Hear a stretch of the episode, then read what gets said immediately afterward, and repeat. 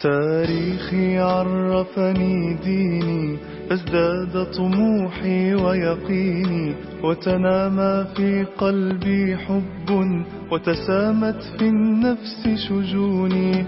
علمني التاريخ مضائي علمني التاريخ إبائي. علمني أن أرفض ظلما أن أجعل في الله رجائي تاريخي عرفني ديني. فازداد طموحي ويقيني. وتنامى في قلبي حب وتسامت في النفس شجوني.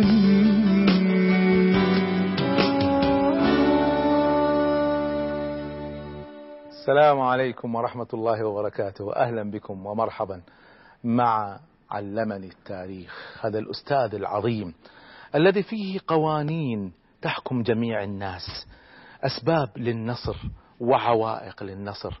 تنطبق على المسلم والكافر من التزم بها انتصر من فعل العوائق خسر.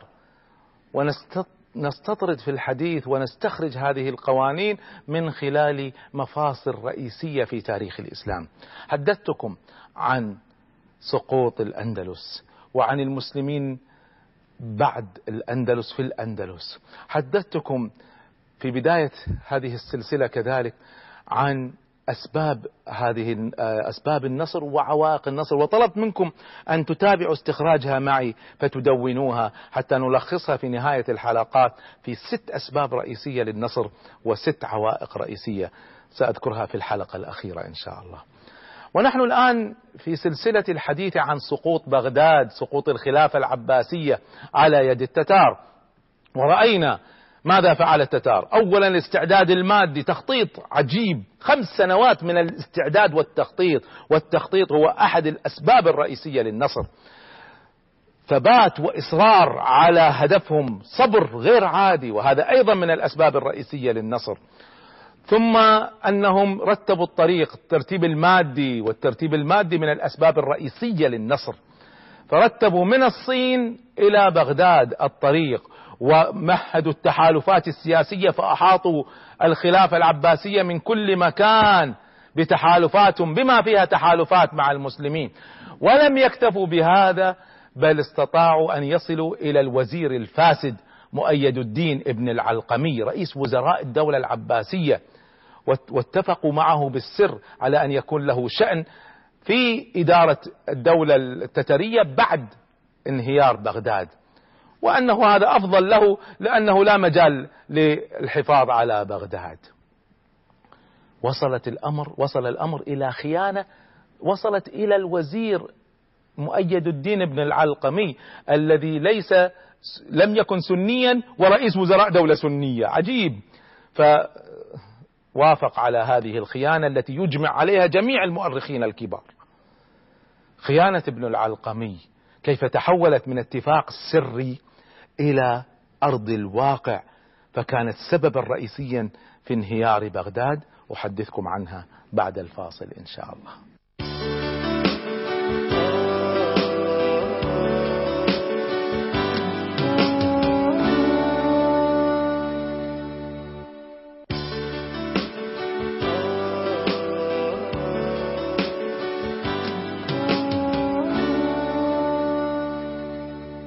ارحب بكم مع علمني التاريخ ونحن في سلسلة الأحداث التي أدت إلى إنهاء الخلافة العباسية وسقوط بغداد في يد التتار. قلنا استطاع هولاكو أن يربط علاقة مباشرة مع رئيس وزراء العباسيين مؤيد الدين بن العلقمي ويعطيه بعض الوعود بالحفاظ على بغداد وعدم انتهاك حرمات الناس وأعطاه وعود بأن يشارك في قيادة المجلس الأعلى للتتار.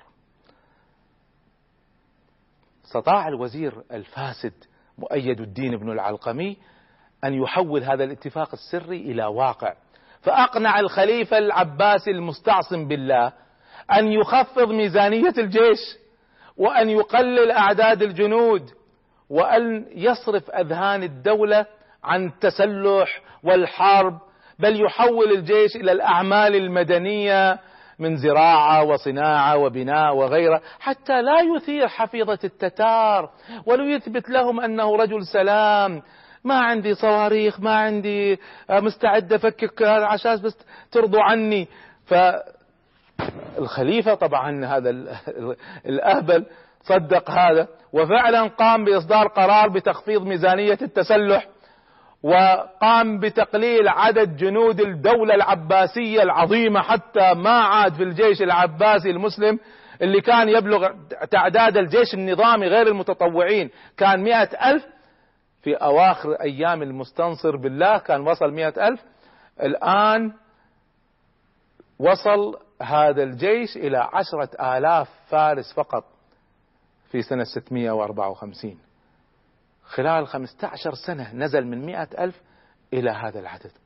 طبعا هذا أدى إلى هبوط مروع في الإمكانيات العسكرية للخلافة. وطبعا ليس هذا فقط الجندي صار في حالة سيئة مزرية. ما عادوا يعطونهم رواتب وحتى صاروا يسألون الناس في الأسواق. طبعا وأهملت التدريبات العسكرية باسم السلام وباسم عدم استفزاز الأعداء. وصار قادة الجيش اللي كانوا محترمين ومهابين ما عاد لهم أي مكانة بين الناس ولم يعد يذكر من بينهم من له قدرة على التخطيط أو الإدارة أو القيادة. طبعا فنسى المسلمون فنون القتال والنزال وغابت عن أذهانهم معاني الجهاد. الجهاد من أسباب النصر. أخذ القوة من أسباب النصر. وأعدوا لهم ما استطعتم من قوة. وترك الجهاد من أهم الأسباب للهزيمة. فطبعا هذا الذي فعله ابن العلقمي العلقمي ووافقه عليه الخليفة هذا والله الجريمة الكبرى الخيانة الكبرى والجريمة العظمى. يلقي ابن كثير. المؤرخ العظيم في البداية والنهاية رحمه الله تعالى باللوم الكامل على مؤيد الدين بن العلقمي في نصائحه للخليفة المستعصم بالله لكنه يلقي بلوم أكبر على الخليفة ذاته الذي قبل بهذا الهوان ورضي بهذا الذل وغاب عن ذهنه أن من أهم واجباته كحاكم أن يضمن الأمن لشعبه والأمان أن يدافع عن ترابه عن أرضه ضد أي غزو أو أي احتلال. يبذل يبذل جهده لتقوية جيشه وتسليح جنده ويربي الشعب كاملة ليس فقط الجيش على حب الجهاد والموت في سبيل الله. إحنا اليوم حكامنا وشعوبنا يعني ودولنا تتفنن في نزع السلاح بين الناس. شعوب غير مسلحة شعوب غير مدربة. لو جاءها أي غزو لن تستطيع أن تقاوم. ما هكذا كان المسلمون. كان المسلم في كل مكان جاهز للنفير في سبيل الله في أي وقت مستعد مدرب. وكان الناس يحدثون نفسهم بالموت في سبيل الله والجهاد في سبيل الله. فلما وصلت طبعا هذه الأخبار إلى هولاكو تيقن من ضعف جيش الخلافة العباسية وقلة حيلة هذا الجيش وأدرك أنه لن يستطيع هذا الجيش بأي حال من الأحوال أن يدافع عن نفسه فضلا عن بغداد. طبعا وأدرك هولاكو كل شيء عن الخليفة المستعصم بالله خليفة المسلمين. عرف إمكاناته وطاقته ونقاط ضعفه. تم طبعا كل هذه الأمور واكتملت لهولاكو في سنة 654 هجرية بعد خمس سنوات متوالية من التخطيط والإعداد. وهذه من أسباب النصر العظيمة. فعلها مسلم أو فعلها كافر؟ أدرك هولاكو الآن أن المناخ صار مهيئا ملائما للهجوم المباشر على الخلافة العباسية وإسقاط بغداد. فبدأ بحشد هائل للجنود التتار. بدأ يجمع أكبر جيوش التتار على الإطلاق منذ قامت دولة جنكيز خان. حتى تعرفوا أنهم كانوا هدفهم إسقاط الخلافة وكانت قضية الخلافة هذه عظيمة جدا في العالم أعظم دولة في العالم. ما عمرها سقطت. فبدأ التجمع. وصل العدد الجنود المكلفين بالهجوم المباشر على بغداد غير الهجوم على أماكن أخرى وصل عددهم أكثر من 200 ألف مقاتل. غير الأعداد الهائلة من الجنود المنتشرة في شمال العراق وفي شرق العراق والقوات المكلفة بحماية الطرق وتأمين الإمداد والتموين وغير الفرق المساندة كما يقولون ال logistics فرق الإمداد والتموين وفرق الاستطلاع والمراقبة. استعداد كامل. تركيبة الجيش التتري هذا كان تركيبة يعني مخطط لها بإتقان. أولا جيش تتري أصلي هو الرئيسي. ثانيا استدعى هولاكو فرقة من جيش التتار المتمركزة في روسيا في حوض نهر في, في روسيا. وأرسل هولاكو في طلب فرقة من الجيش التتري المكلفة بفتح أوروبا والتي كانت تتمركز في الأناضول شمال تركيا. وجاءت الفرقة وعلى رأسها القائد المنغولي الكبير بيجو وجاءت هذه الفرقة مخترقة. من أين جاءت؟ انتبهوا. جاءت من تركيا من شمال تركيا. ومرت على العراق شمال تركيا والشام ومرت على شمال العراق بين الدويلات الإسلامية ولم يقف في طريقها أحد. لم تلقى أي نوع من المقاومة في هذا الطريق الطويل لأن حكام هذه المناطق المسلمة كانوا قد تركوا المجال لقوات التتار أن تمر كما يقولون في أجوائها بدون اعتراض. مرت هذه القوات وسط إمارات الأناضول والموصل وحلب وحمص وأرسل هولاكو إلى صديقه ملك أرمينيا يطلب منه المساعدة فجاء هيثوم ملك أرمينيا بنفسه على رأس فرقة من جيشه وطلب أيضا من ملك الكرج حليفة فأرسل فرقة للمساعدة في حصار بغداد واستجاب فورا واستدعى هولاكو ألف من الرماة الصينيين المشتهرين بتسديد السهام المحملة بالنيران ثم وضع على رأس جيشه أفضل قوادة وكان اسمه كتبغى. وبذلك ضم الجيش في صفوفه ثلاثة من أشهر القادة العسكريين في تاريخ التتار هولاكو وتتبغى وبيغو. وراسل هولاكو أمير أنطاكيا بوهمند وطلب منه المساعدة لكنه تعذر أن يخترق الشام وخاف. قال لكني مستعد أن أساعدك إذا سقطت بغداد في إسقاط الشام. وأرسل الناصر يوسف الناصر يوسف أمير دمشق أرسل ابن العزيز ليكون في جيش هولاكو. وأرسل أمير الموصل بدر الدين لؤلؤ فرقة تساعد الجيش التتري فرقتان مسلمتان. صحيح كانتا هزيلتين لكنها تحملان معاني كثيرة. ففي جيش التتار مسلمين يشتركون مع التتار في حرب المسلمين. باعوا كل شيء في مقابل كرسي صغير إمارة تافهة دراهم معدودة حياة مجرد حياة أي حياة. بهذا الإعداد رفيع المستوى والتخطيط اكتمل الجيش التتري وبدأ الزحف من فارس في اتجاه العراق. قصة وصول هذا الجيش إلى العراق بعد الفاصل إن شاء الله.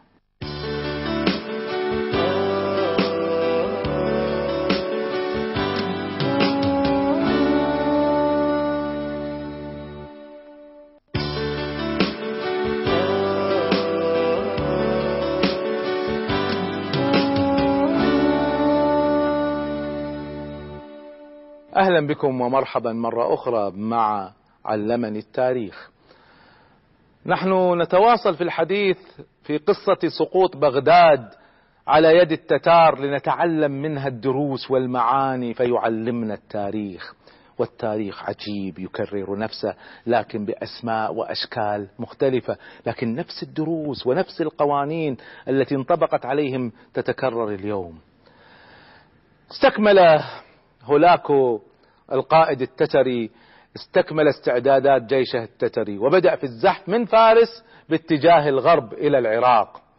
وبدأ يعد الخطة ويضع الخطة خطة المعركة وبدأ يدرس مسرح العمليات. وجد هولاكو أن طائفة الإسماعيلية الإسماعيلية هي فرقة انشقت من الإسلام وانحرفت انحراف شديد فصارت عقائدها كفرية ويكفرها السنة ويكفرها الشيعة. فهذه الفرقة الإسماعيلية موجودة إلى اليوم يقودهم آغا خان. هذه الفرقة مقر موجود في لندن الآن. هذه الفرقة المنحرفة كان لها تاريخ وبيل دائما على الإسلام والمسلمين وكانت دائما تخون الإسلام والمسلمين هذه الفرقة كان بينها وبين التتار مشاكل سابقة. وكانت تتمركز في الجبال في غرب بلاد فارس وشرق العراق. وشعر هولاكو أنه لو هجم على بغداد قد تمثل هذه الفرقة خطورة على الجيش التتري. فأولا طبعا الإسماعيليين رغم أنهم يعني ذكرنا ما فيهم من صفات خبيثة لكن كانوا مشهورين بقوة القتال والحصون المنيعة وهي طائفة طبعا لا عهد لها ولا أمان الخيانة عندها سهلة. فمع أن التتار يعلمون أن الإسماعيلية على خلاف شديد مع الخلافة العباسية لكنهم راسلوا قبل ذلك التتار ليدلوهم على ضعف جلال الدين آه، من خوارزم قبل مقتله في سنة 629 فخياناتهم مشهورة على كل حال. فمع أنهم من المنافقين الذين يتزلفون لأصحاب القوة مع كل هذه الاعتبارات لكن التتار ما كانوا يثقون بهم ما كانوا يأمنون التحرك إلى العراق وبجانبهم على جنبهم. هذه القوات يتركون على في ظهرهم قوات عسكرية الإسماعيلية. والسبب أنه كان هناك ثأر قديم بين التتار والإسماعيلية.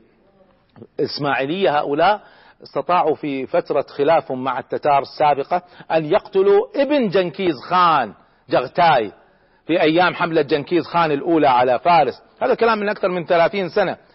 فلم ينسى التتار هذا الثأر. فكانوا كان التتار يصحبون معهم في جيشهم ابنة جغتاي القتيل القديم اللي قتله الإسماعيلية حتى يزيد التتار من حماسهم في الجيش ولكي تقوم بنفسها بالثأر لأبيها. طبعا كل هذا جعل التتار يقرروا عدم الهجوم على بغداد وإنما البدء بالإسماعيلية والتخلص منهم. وصدرت الأوامر من قراقوم عاصمة التتار بإبادة هذه الطائفة من الوجود. وتحركت الجيوش الهائلة صوب معاقل الإسماعيلية واقتربت من أقوى حصونهم على الإطلاق يسمونه حصن, حصن الموت في غرب فارس. وما هي إلا أيام حتى تم تطويق الحصن من كل مكان. لما شاهد زعيم الإسماعيلية ركن الدين خورشاه شاهد هذه الأعداد التي لا تحصى فراسل التتار وأعلن خضوعه الكامل لهولاكو. ومستعدادا لتسليم الحصن.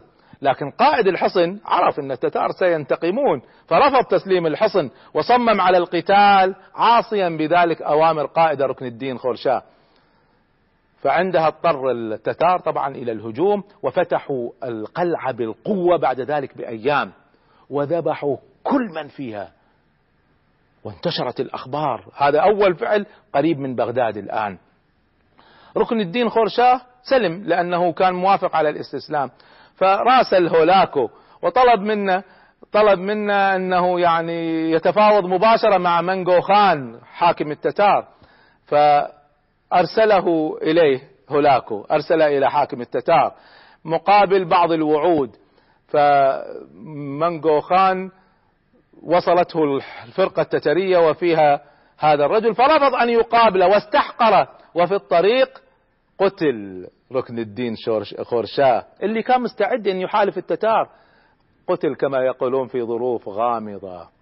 بعد قتل ركن الدين خورشاه قام هولاكو بخدعة عجيبة. أمر بجمع كل الإسماعيلية حتى لا يعني يعمل معهم اتفاقية وحتى لا يبالغوا في أعدادهم فيعمل معهم صلح. فلما جمعوهم قتلهم كلهم حصدهم كلهم. نساء رجال أطفال فقتلهم قتلة واحدة.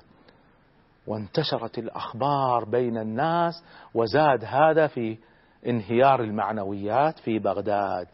هولاكو لا يرحم لا يرحم أحدا.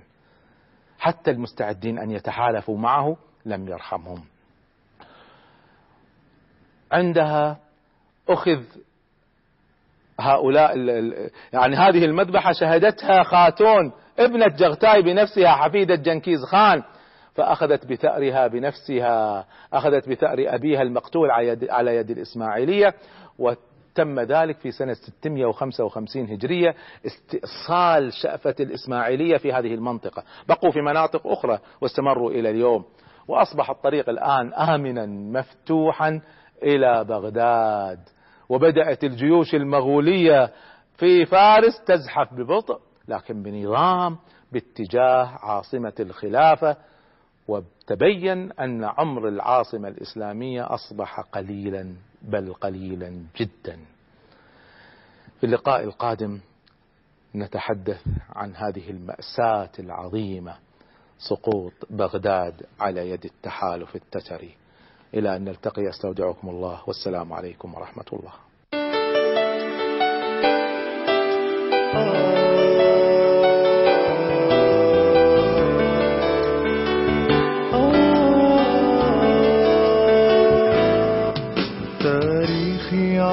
عرفني ديني فازداد طموحي ويقيني وتنامى في قلبي حب وتسامت في النفس شجوني.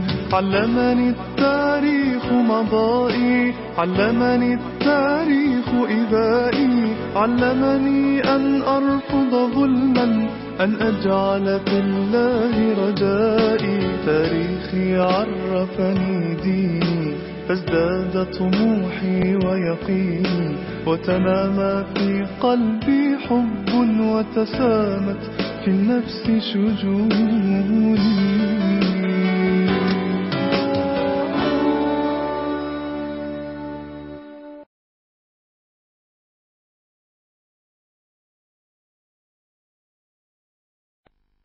تاريخي عرفني ديني فازداد طموحي ويقيني وتنامى في قلبي حب وتسامت في النفس شجوني. علمني التاريخ مضائي علمني التاريخ إبائي. علمني أن أرفض ظلما أن أجعل في الله رجائي. تاريخي عرفني ديني فازداد طموحي ويقيني. وتنامى في قلبي حب وتسامت في النفس شجوني.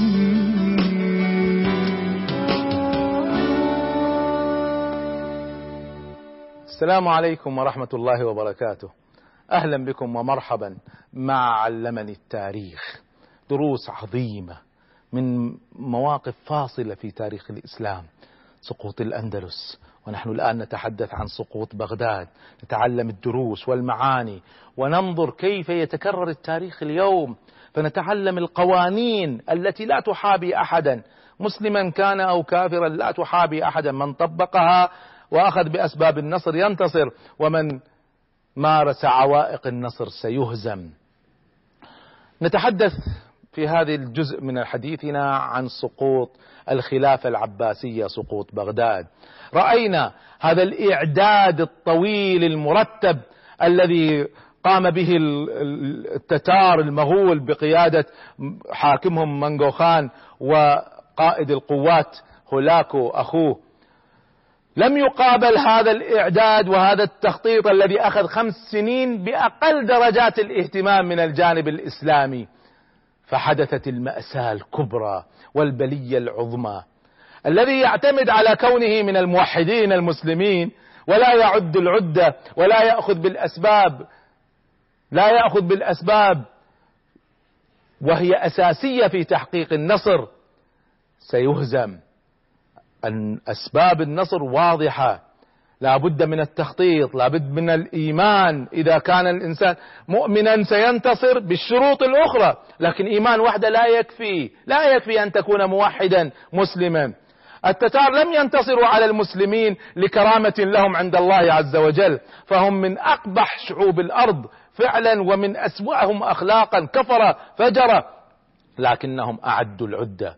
أخذوا بالأسباب. ففتحت على أيديهم البلاد وحققوا النتائج التي خططوا لها. سنة مضطردة. ليس المقصود من وراء ذلك أن يعتمد المسلمين على الأسباب المادية. ما يجوز أن يعتمد المسلمون على الأسباب المادية ويتركوا سبب الأسباب وهو الاعتماد على الله سبحانه وتعالى. لكن المقصود العمل الجاد الدؤوب المتواصل مع رفع الأيدي إلى الله عز وجل طلبا بالتوفيق والنصر. إذا تم النصر علمنا أنه من عند الله.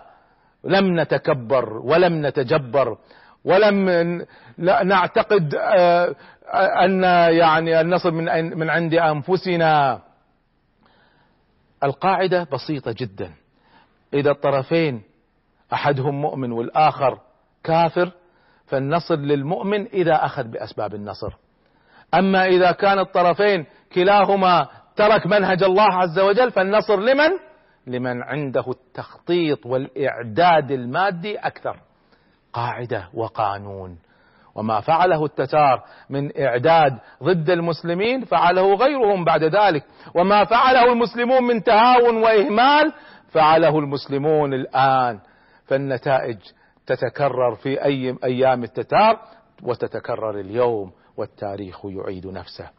قصة سقوط بغداد المؤلمة على يد التتار والدروس التي فيها نتحدث عنها بعد الفاصل إن شاء الله.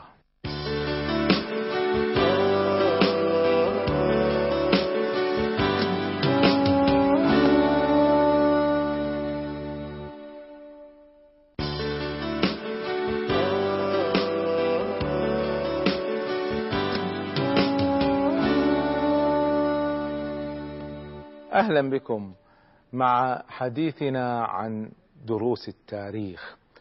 ونتعلم هذه الدروس من قصة سقوط بغداد. حدثتكم كيف استعد المغول سياسيا وعسكريا وماديا وتخطيطيا وقضوا على كل الاحتمالات لأي عوائق في الطريق إلى بغداد وجهزوا جيوشهم للهجوم المباشر على بغداد.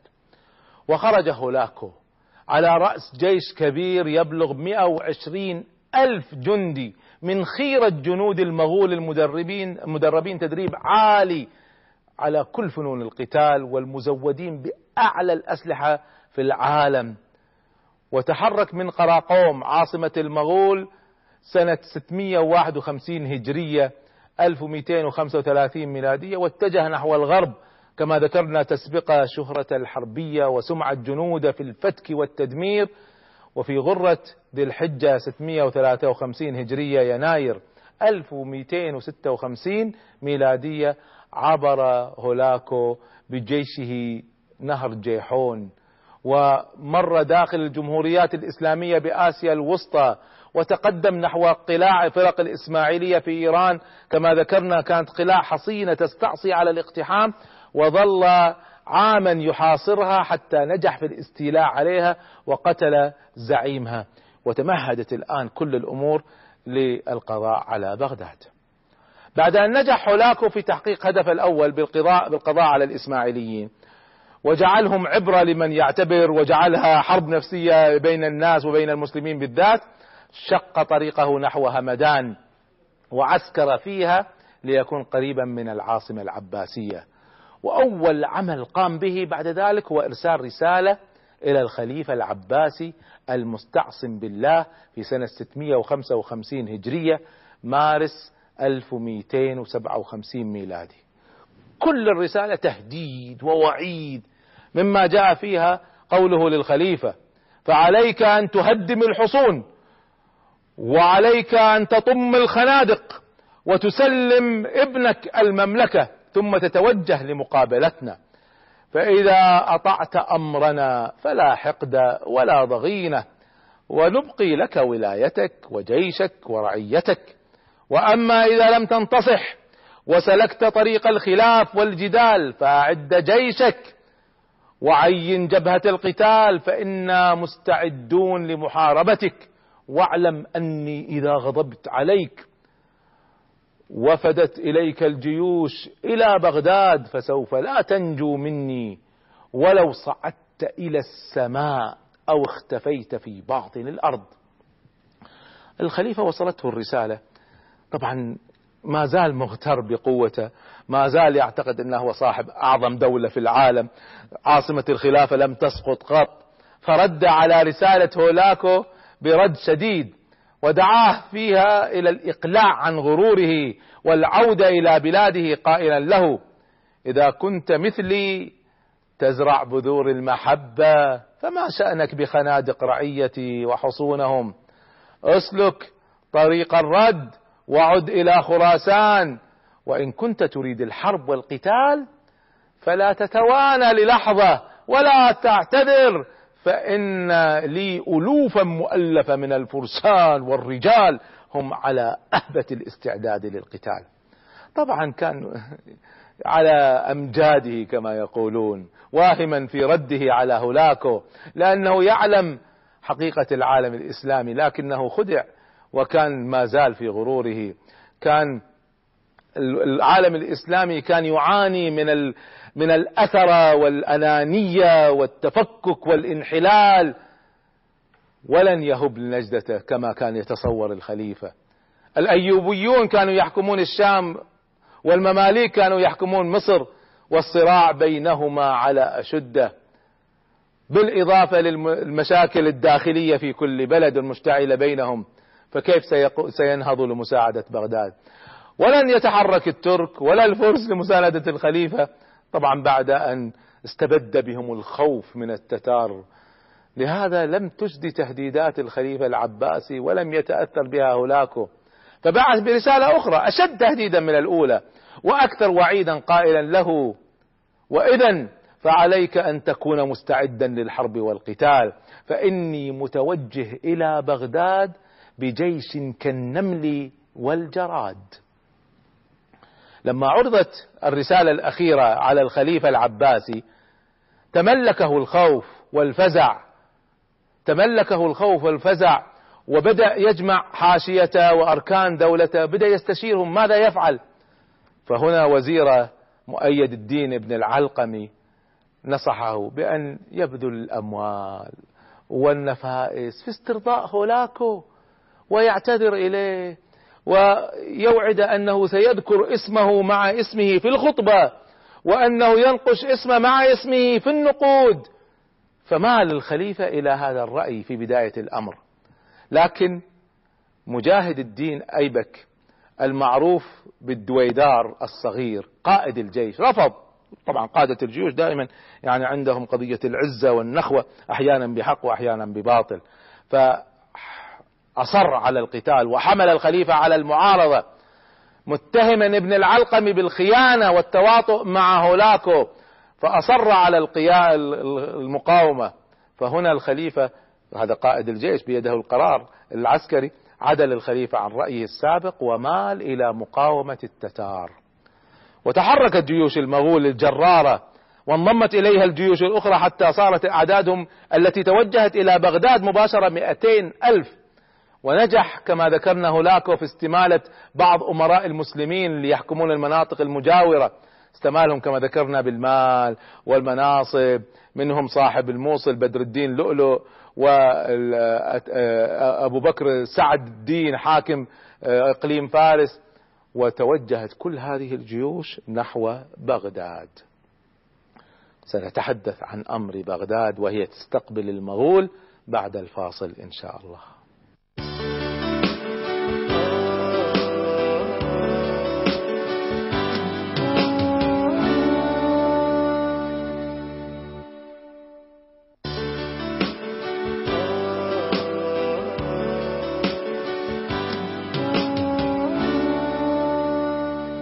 أهلا بكم مرة أخرى مع علمني التاريخ. نحن الآن مع تحرك المغول لبغداد لإسقاط الخلافة العباسية. فدعونا نأخذ يوميات حصار بغداد. ننظر إلى بغداد وهي تستقبل المغول الغزاة يوما بعد يوم حتى سقطت في أيديهم.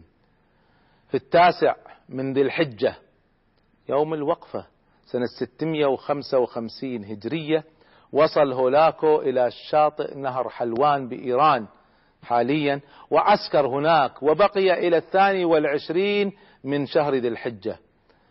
لما علمت بغداد بتقدم هولاكو سار جيش الخلافة العباسية بقيادة دويدار وقيادة فتح الدين بن قمر وعسكروا على مقربة من بعقوبة التي تبعد عن بغداد حوالي خمسين كيلو إلى الشرق في ذلك الوقت. الآن تقريبا جزء من بغداد. ولما علم هذا الجيش بتقدم قوة المغول نحو الضفة الغربية من نهر دجلة سارع النهر سارع الجيش المسلم بعبور النهر ليتصدى لهم شمال بغداد. وأدى انسحابه إلى خلو الجبهة الشرقية من الجند. حاول الخليفة أن يحمل من بقي من أمراء العسكر على الخروج تحت قائد قادة قيادة آه، مرشد الخصبي لكنه اعتذروا ولم ينفذوا أوامر الخليفة. طبعا هذا سهل لما تحدث انسحابات في الجيش وتمرد يسهل مهمة الأعداء فسهل مهمة هولاكو فسهل وصوله إلى أسوار بغداد. في اليوم التاسع من محرم سنة 656 هجرية التقى جيش الخلافة بطلائع المغول عند الأنبار على باب قصر المنصور حوالي خمسين كيلو متر كما ذكرنا من بغداد. واختلف المؤرخون في تقديم حجم القوة المغولية التي وصلت. هذه فقط مقدماتهم. فقدرها بعض المؤرخين بعشرة آلاف. بعض المؤرخين قدروها بثلاثين ألف.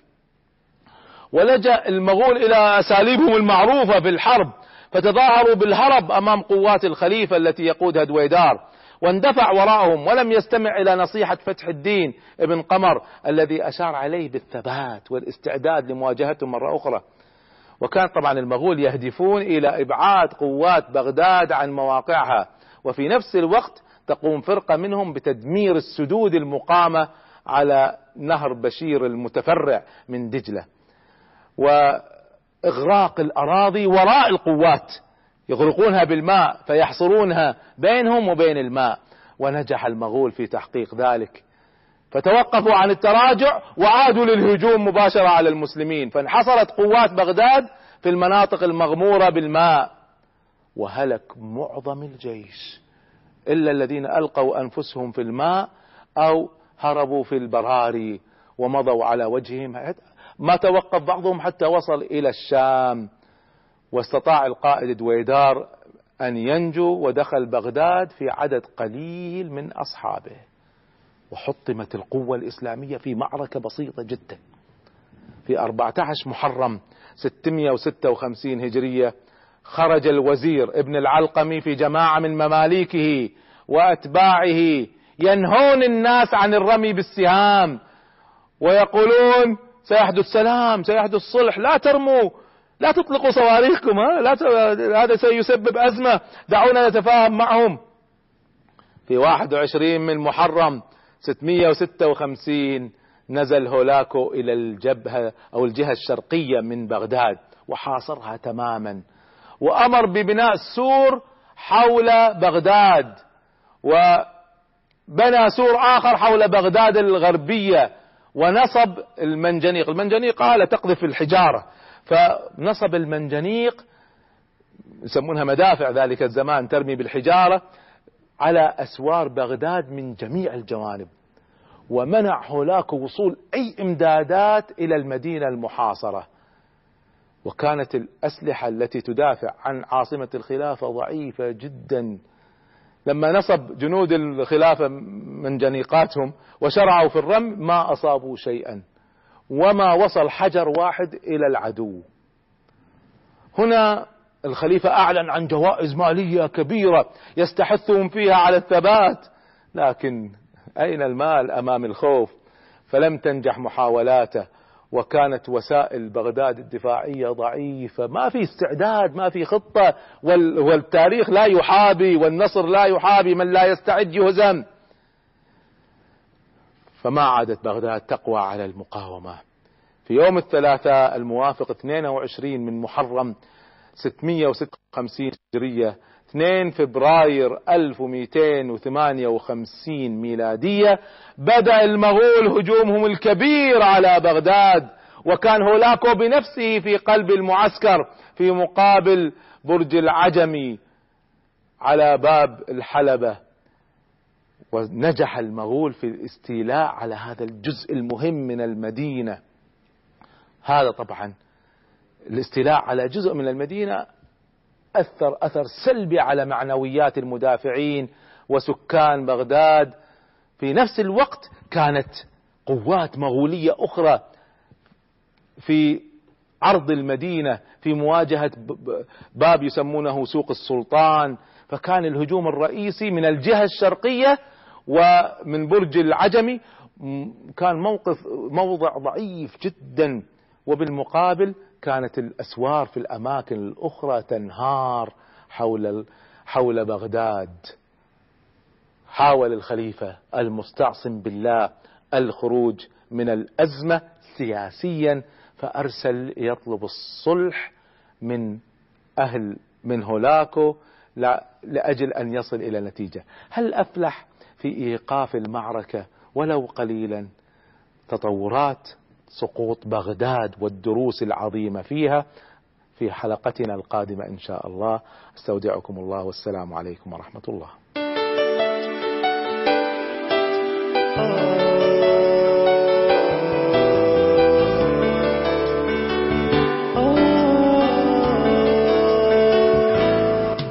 تاريخي عرفني ديني فازداد طموحي ويقيني. وتنامى في قلبي حب وتسامت في النفس شجوني علمني التاريخ مضائي علمني التاريخ إبائي. علمني أن أرفض ظلما أن أجعل في الله رجائي. تاريخي عرفني ديني.